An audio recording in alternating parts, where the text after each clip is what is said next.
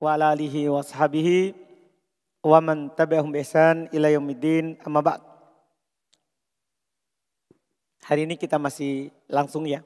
Besok baru mulai murojaah sebelum memulai pelajaran untuk santri. Kita lanjutkan. Kemarin kita sudah selesai dari pembahasan faedah mempelajari ilmu sorof di pendahuluan kemarin. Yang mana kita sebutkan faedah mempelajari ilmu sorof itu ada tiga. Yang pertama menjaga lisan dari kesalahan dalam kosakata. Yang kedua meringankan lapat-lapat yang sulit agar mudah diucapkan. Kemarin kita sudah contohkan. Yang ketiga menjaga bahasa Arab dan memperkayanya dengan adanya pecahan-pecahan yang sangat banyak. Sekarang kita masuk di berikutnya. Timbangan storof. Timbangan storof. Dalam mempelajari ilmu sorof, itu tidak akan pernah lepas dari menimbang. Itu tidak pernah lepas. Tidak pernah lepas dari pola dari setiap kata. Tidak pernah lepas dari yang namanya wazan kalau bahasa Arabnya. Bahasa kitanya timbangan, pola, cetakan. Bahasa Arabnya wazannya. Ketika kita membahas sorof, pasti membahas wazan yang terkait dengannya. Itu dipastikan. Karena ini adalah merupakan bagian terbesar di dalam pembahasan ilmu tasrif. Dalam pembahasan ilmu tasrif. Kalau antum tidak tahu tentang timbangan, bagaimana cara untuk menimbang, maka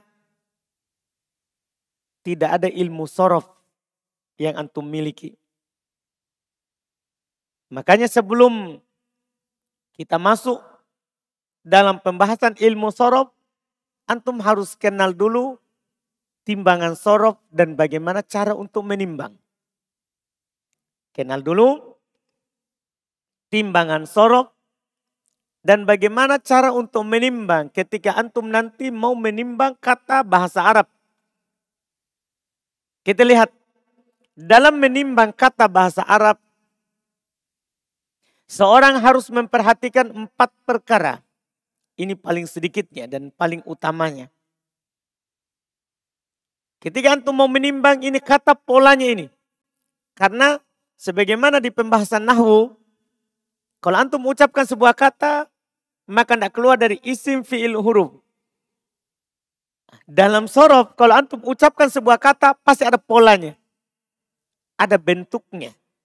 Alhamdulillah kita berada di zaman sekarang ini dalam keadaan semua sudah diteliti kosakata dalam bahasa Arab.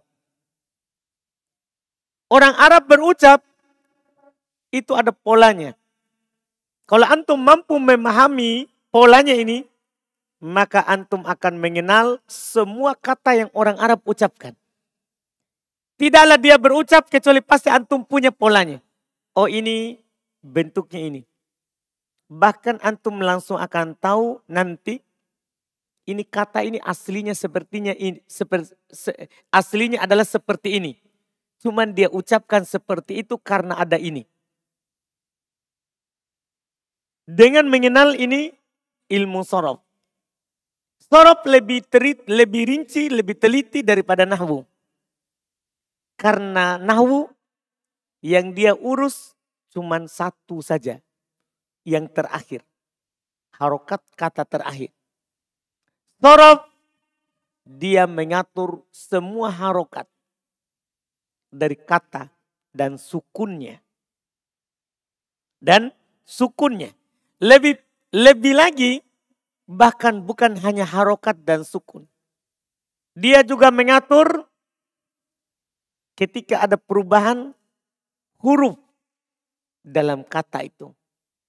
Karena kata bahasa Arab itu kadang datang kepada kita dalam keadaan bukan lagi aslinya. Aslinya wow, tiba-tiba yang terucap alif. Aslinya ya, tiba-tiba yang terucap wow. Aslinya wow, tiba-tiba yang datang berupa ya. Berupa ya. Ah ini semua ini diatur dalam ilmu tasrif, ilmu sorof. Ilmu sorof. Dan sebelum masuk di situ, antum harus paham dulu bagaimana kita membentuk pola dalam bahasa Arab. Ini hal yang mendasar namanya. Hal yang mendasar sebelum kita lebih jauh melangkah dalam ilmu tasrif. Jadi di sini dikatakan dalam menimbang kata bahasa Arab, seorang harus memperhatikan empat perkara. Ini saya katakan tadi paling sedikitnya. Dan ini empat ini yang paling pentingnya. Kalau antum mampu nanti mempraktekkan ini empat dalam kata bahasa Arab, maka antum mampu untuk mengenal setiap kata dalam bahasa Arab. Antum bisa menjelaskan semuanya. Yang pertama harokat dan sukun. Setiap antum dapat kata bahasa Arab, lihat. Huruf yang ada dalam kata itu apakah semuanya berharokat atau ada sukunnya? Itu harus diperhatikan. Sukunnya di mana? Harokatnya yang di mana? Iya. Jadi yang diperhatikan empat. Saya tulis empat ini. Ini tahap awal yang mau diperhatikan. Harokat itu kata harokah ya itu ada tiga. Ada tiga. Ada doma, fathah, kasro. Itu yang disebut dengan harokat. Iya. Nah, ini antum harus perhatikan. Ini kata ada harokatnya enggak? Kalau dibilang harokat maksudnya apakah ada kasronya, fathah, atau domah? Paham kan? Demikian pula dia memperhatikan sukun. Sukun cuma satu, yaitu ini. Iya. Yeah. Setiap antum mau menimbang nanti harus lihat. Berharokat enggak? Harokatnya apa? Doma fatah atau kasroh? Bersukun enggak? Sukun ini cuma satu. Lambangnya. Iya lambang itu. Dua perkara ini sebelum antum menimbang itu hal pokok yang harus diperhatikan. Contoh, ini sekedar hanya contoh dulu. Hanya contoh. Sebelum nanti, nanti akan dikasih tahu antum alat untuk menimbang. Nanti. Contoh, untuk mempraktekkan ini. Teori. Yang antum harus perhatikan. Dalam menimbang bahasa Arab, mereka pakai alat untuk menimbang tiga huruf. Fa, Ain, Lam. Fa ini dihargai dengan huruf pertama. Setiap huruf pertama, apa pun hurufnya namanya fa. Nama lengkapnya nanti. Untuk sekarang bilang dulu saja fa. Setiap huruf pertama dalam bangunan sebuah kata namanya fa. Walaupun bukan fa. Huruf kedua disebut dengan ain. Nanti ada nama-namanya. Huruf ketiga disebut dengan lam. Iya. Contoh misalnya sebelum kita menimbang. Antum dapat kata kata ba. Kaf disebut fa. Ta disebut ain. Ba disebut lam. Paham kan? Padahal hurufnya beda. Kenapa? Dipilih nama yang satu seperti itu untuk memudahkan. Karena kalau setiap huruf antum sebut dengan namanya, berapa ribu kata yang antum harus sebutkan. Makanya dipakai huruf pertama disebut fa, huruf kedua disebut apa? Ain, huruf ketiga disebut lam. Setiap kata antum katakan seperti itu. Antum dapat kata misalnya ya dalam bahasa Arab gosala. Goin disebut apa? Fa, sin, ain, lam, lam. Kebetulan sama. Antum dapat kata misalnya ya doroba.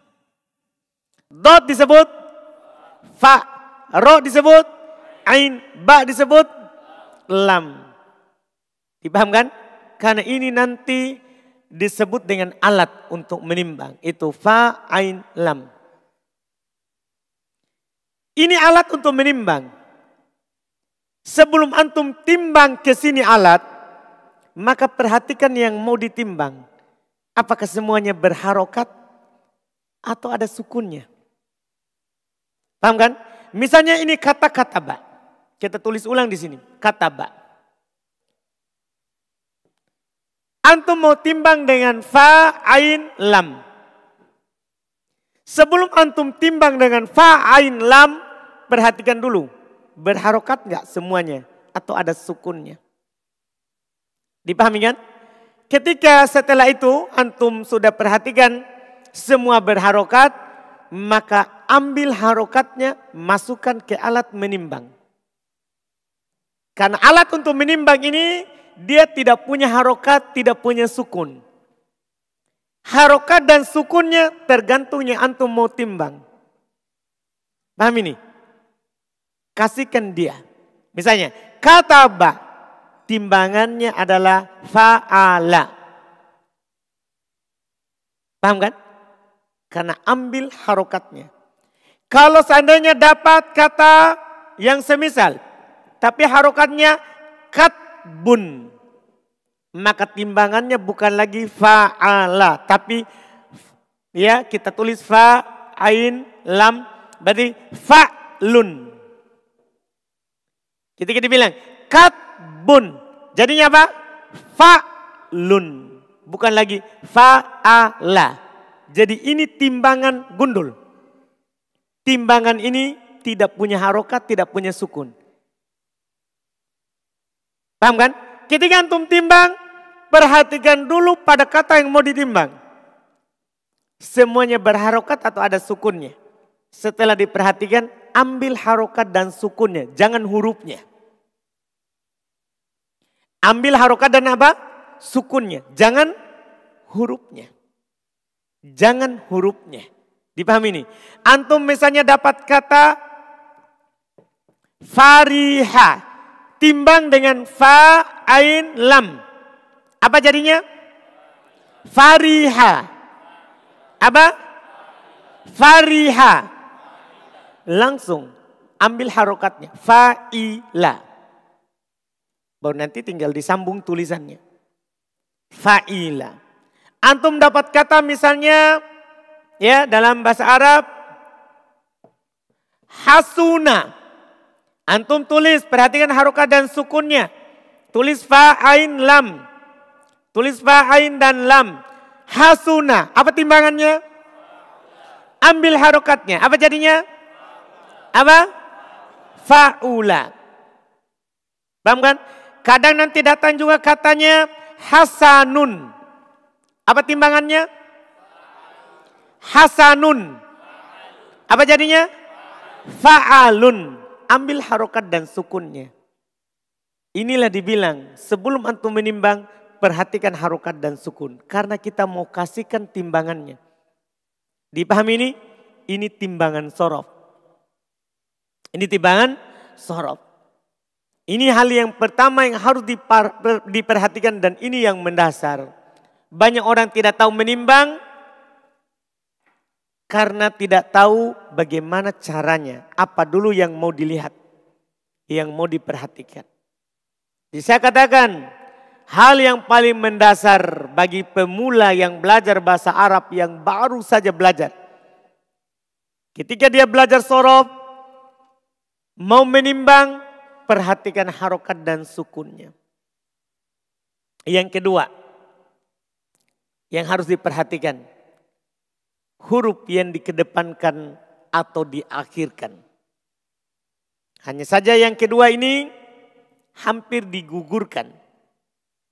Karena sebagian ulama tasrif mereka katakan inilah wujudalah. Ini tidak ada dalam bahasa Arab yang dibalik-balik hurufnya. Ada yang dikedepankan, ada yang diakhirkan. Illa nadir kecuali sedikit. Hampir tidak ada dalam bahasa Arab kecuali apa?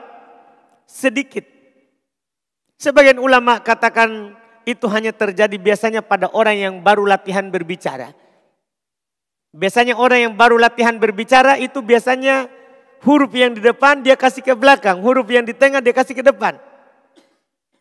Biasanya.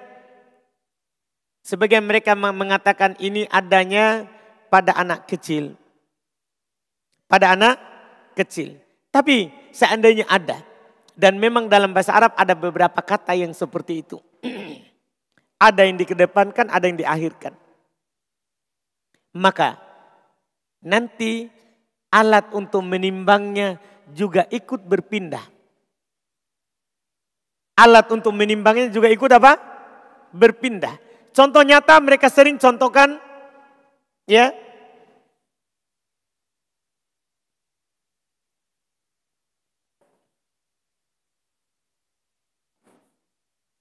Mereka sering contohkan kata jazaba. Ini yang sering dicontohkan.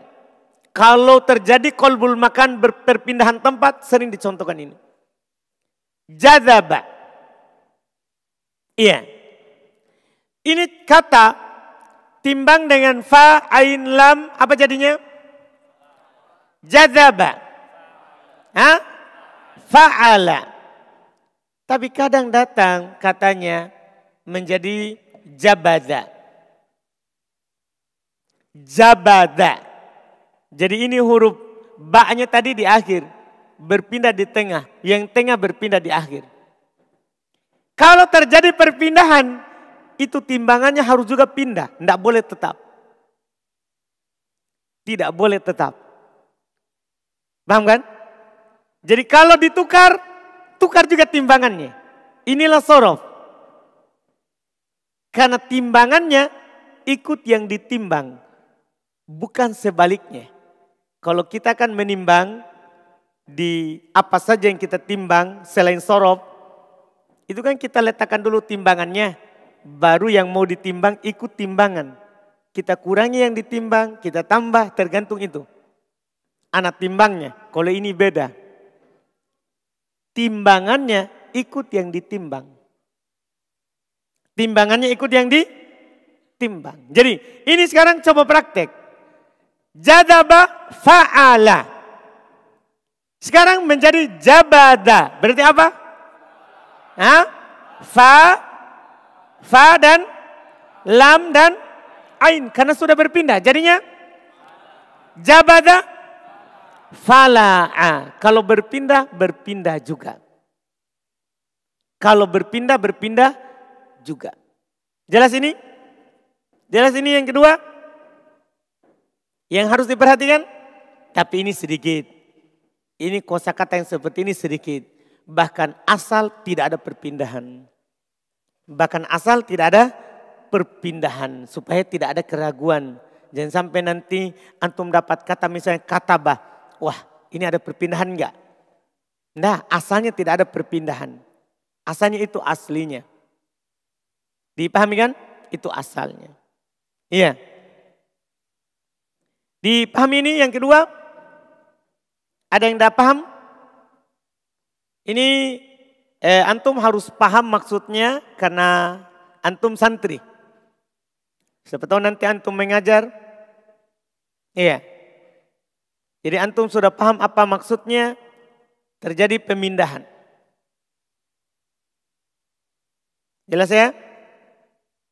Siapa yang belum paham?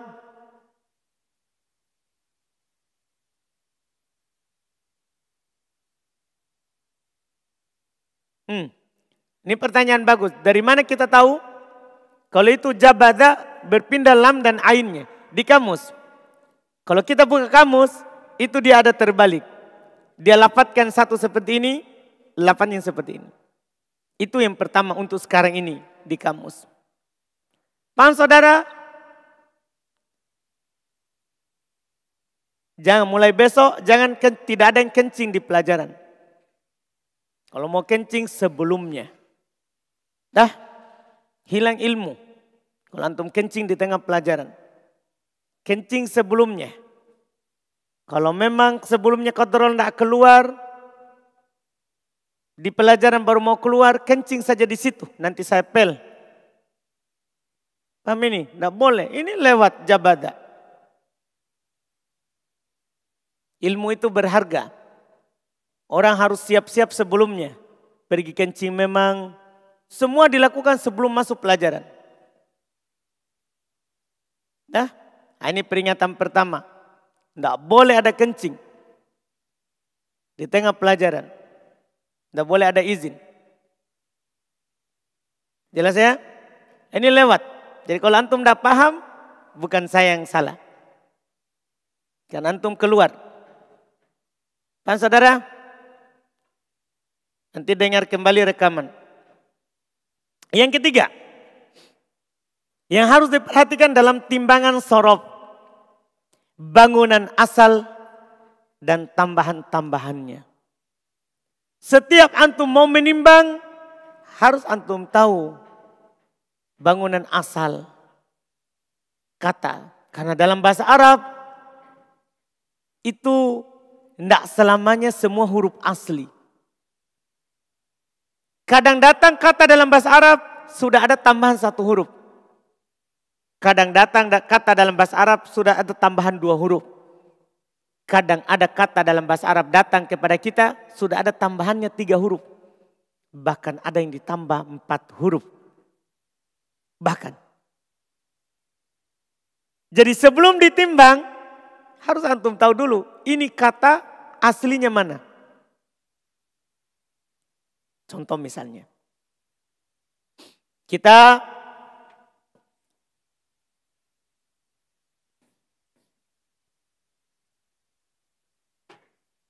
dapat kata karuma.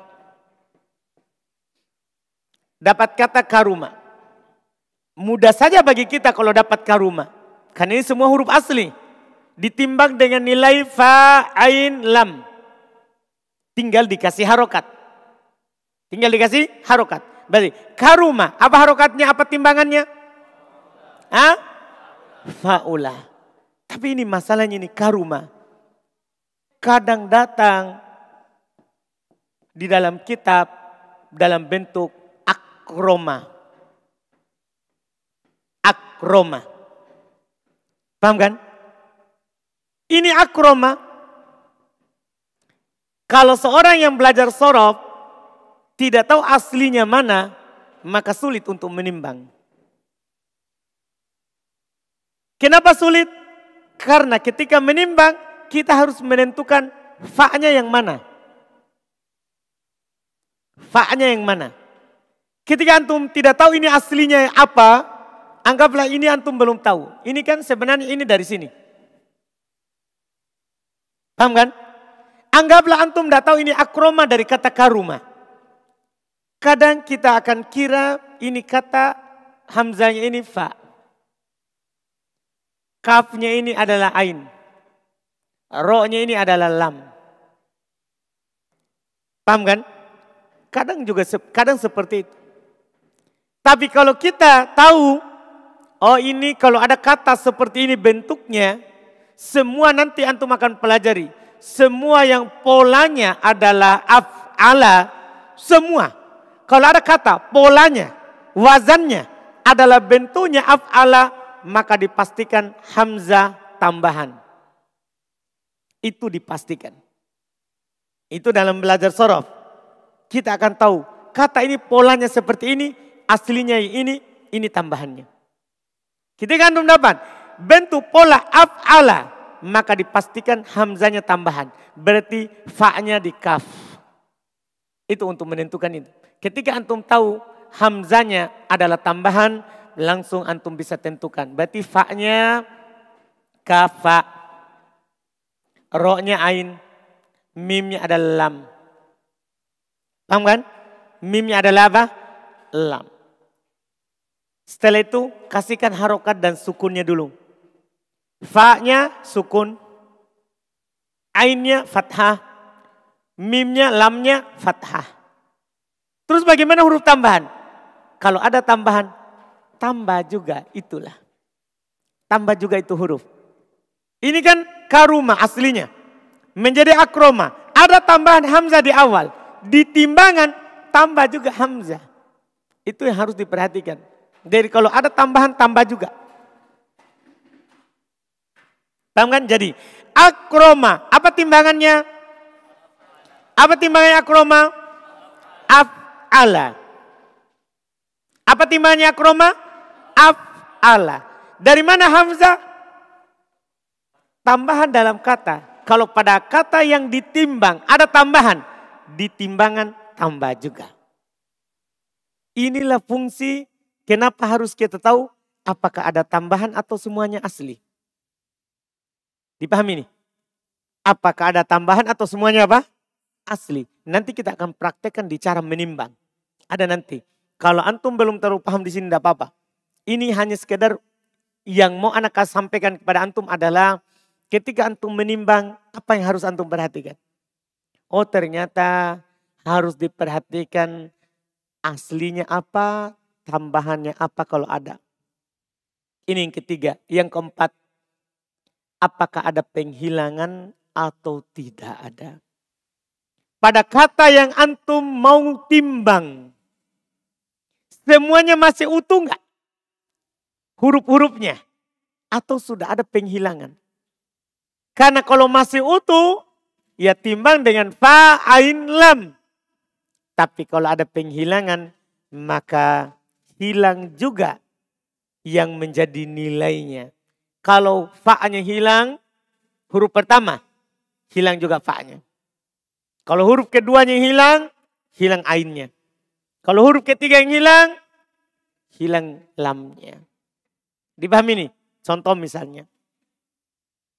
Contoh kata yang sering dicontohkan adalah kata wako. Ini kata bermasalah ya. Wako. Wako. Asalnya dulu wako ya wako ya timbang dengan fa ain lam. Apa timbangannya? Wako ya apa timbangannya wako ya Hah? apa fa'ala fa'ala kan begitu iya yeah. fa'ala tapi kadang datang dalam bahasa Arab ini yang masalah ki dari kata wako wakoya wakoya menjadi ki. Apa timbangannya? Ingat, yang hilang yang mana? Apa berarti yang hilang? Wow sama? Iya, berarti yang hilang apa? Fa sama ain. Atau lam? Lam. Berarti apa timbangannya ki? Hah? Apa timbangannya ki? Hah? Apa? Harokannya diambil. Apa? I. Itu timbangannya. Jadi kalau ada yang hilang, hilang juga. Dipahami nih? Jelas ini. Ini langsung contoh hilang dua huruf. Di awal, di akhir.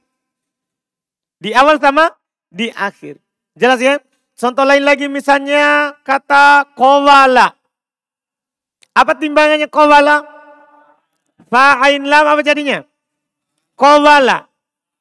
Apa? Fa'ala. Fa'ala. Tapi kadang datang ini kata menjadi kul. Perhatikan harokat dan sukunnya dan perhatikan yang dihilangkan. Jadi sekarang banyak yang langsung diperhatikan. Sekarang datang langsung kata ini aslinya, ini aslinya. Kowala menjadi kul. Apa timbangannya? Ya? Apa timbangannya? Huruf apa yang hilang dari sini? Huruf apa? Wow ini, ini wow. Ini wow hilang. Wow itu siapa di sana timbangannya? Ain berarti hilang ainnya. Berarti di sini tinggal fa sama lam.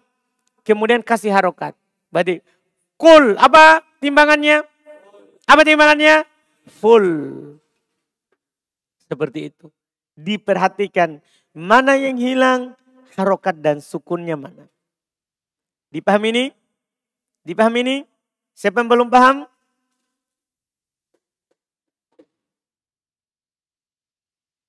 Siapa yang belum paham? Ini empat perkara. Kalau antum paham empat ini, ini mudah bagi kita nantinya untuk menimbang. Sekarang kita masuk di berikutnya lagi. Alat untuk menimbang.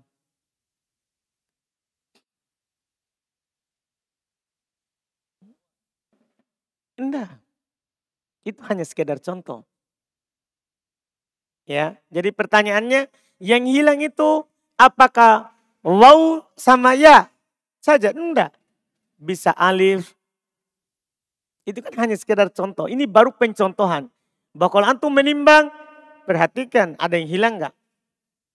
Nanti bisa hilang Hamzah. Bisa hilang Hamzah. Iya. Bisa. Hilang Hamzah. Bisa hilang tak bisa hilang. Ini sekadar contoh. Kalau hilang, hilang juga pada timbangannya. Pada timbangannya. Jelas dulu ini? Hmm. Sekarang yang berikutnya alat untuk menimbang. Nah ini sekarang mulai masuk, mulai meruncing. Pembahasannya mulai ke dalam. Alat untuk menimbang. Alat yang dipakai untuk menimbang adalah fa'ain lam. Perhatikan namanya. Fa itu dinamakan fa'ul kalimah. Jadi setiap huruf pertama namanya fa'ul kalimah. Ain itu namanya ainul kalimah. Setiap huruf kedua antum katakan ini ainul kalimah. Lam dinamakan lamul kalimah. Jadi misalnya kataba, kaf, antum sebutkan namanya. Kataba. Kaf. Ha? Ta. Ta. Itu namanya ini harus lancar. Ta. Ba. Ba. Ah, ini sudah jadi gelarnya. Jadi namanya. Contoh lain. Gosala. Goin. Sin. Sin. Lam doroba. Ba.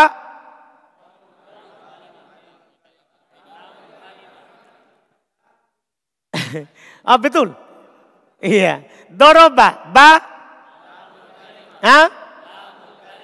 Kan kalau lurus terus, tidak ditahu nanti. Hmm. Ba. Ba. Dot.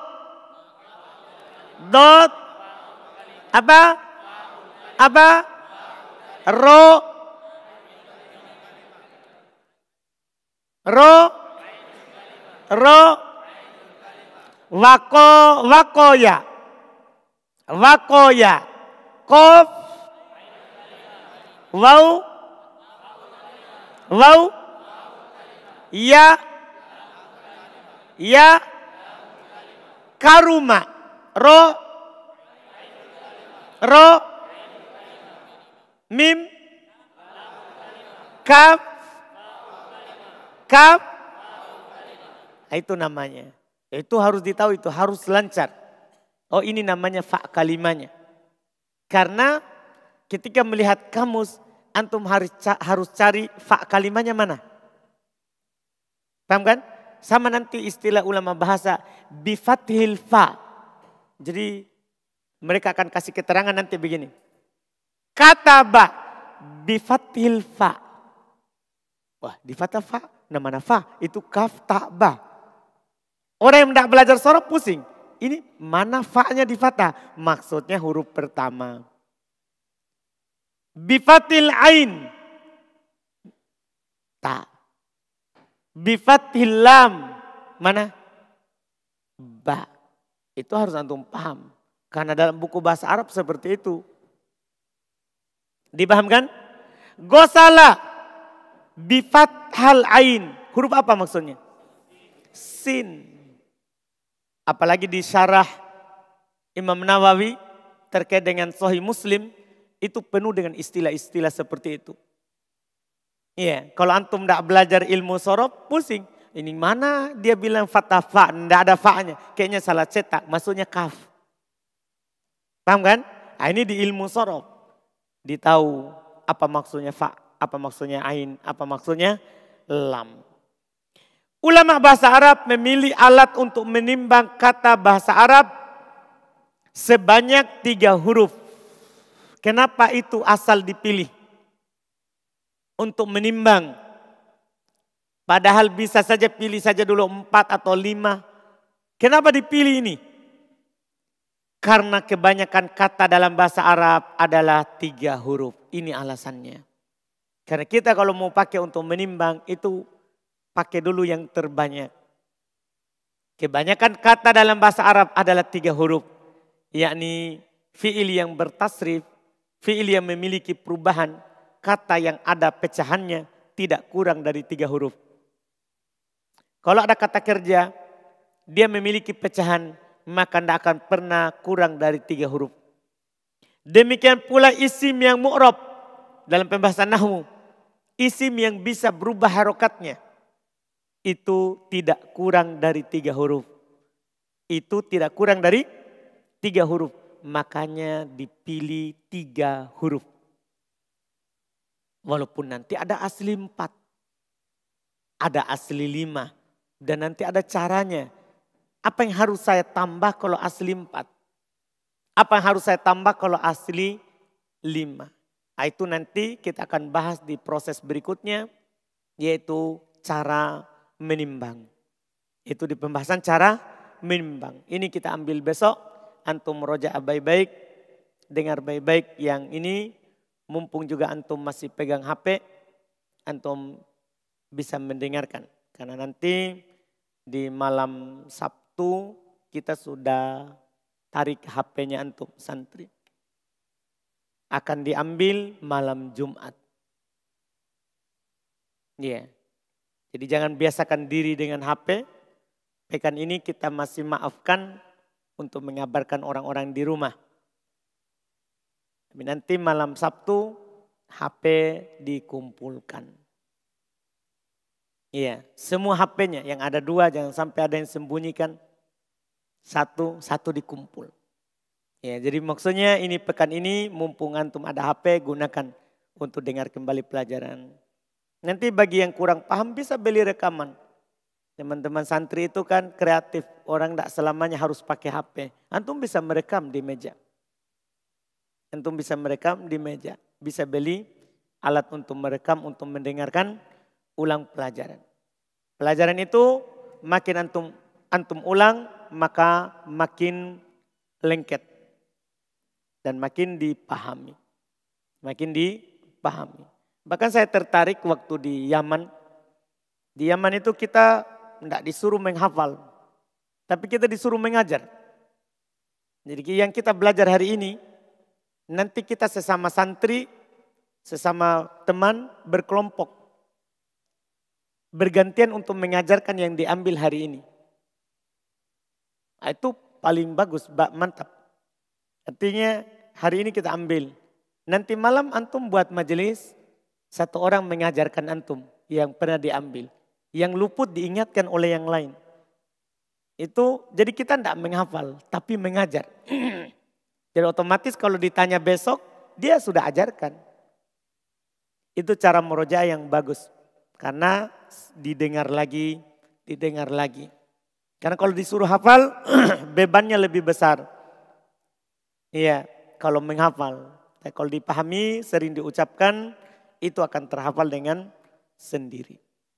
Makanya kalau antum misalnya tidak mampu untuk menangkap dengan cepat, bisa beli rekaman. Bisa antum merekam pelajaran. Untuk merekam pelajaran untuk didengar ulang di malam hari atau di pagi hari atau di siang hari di waktu yang lain. Itu wallahu alam kita cukupkan subhanallahi hamdik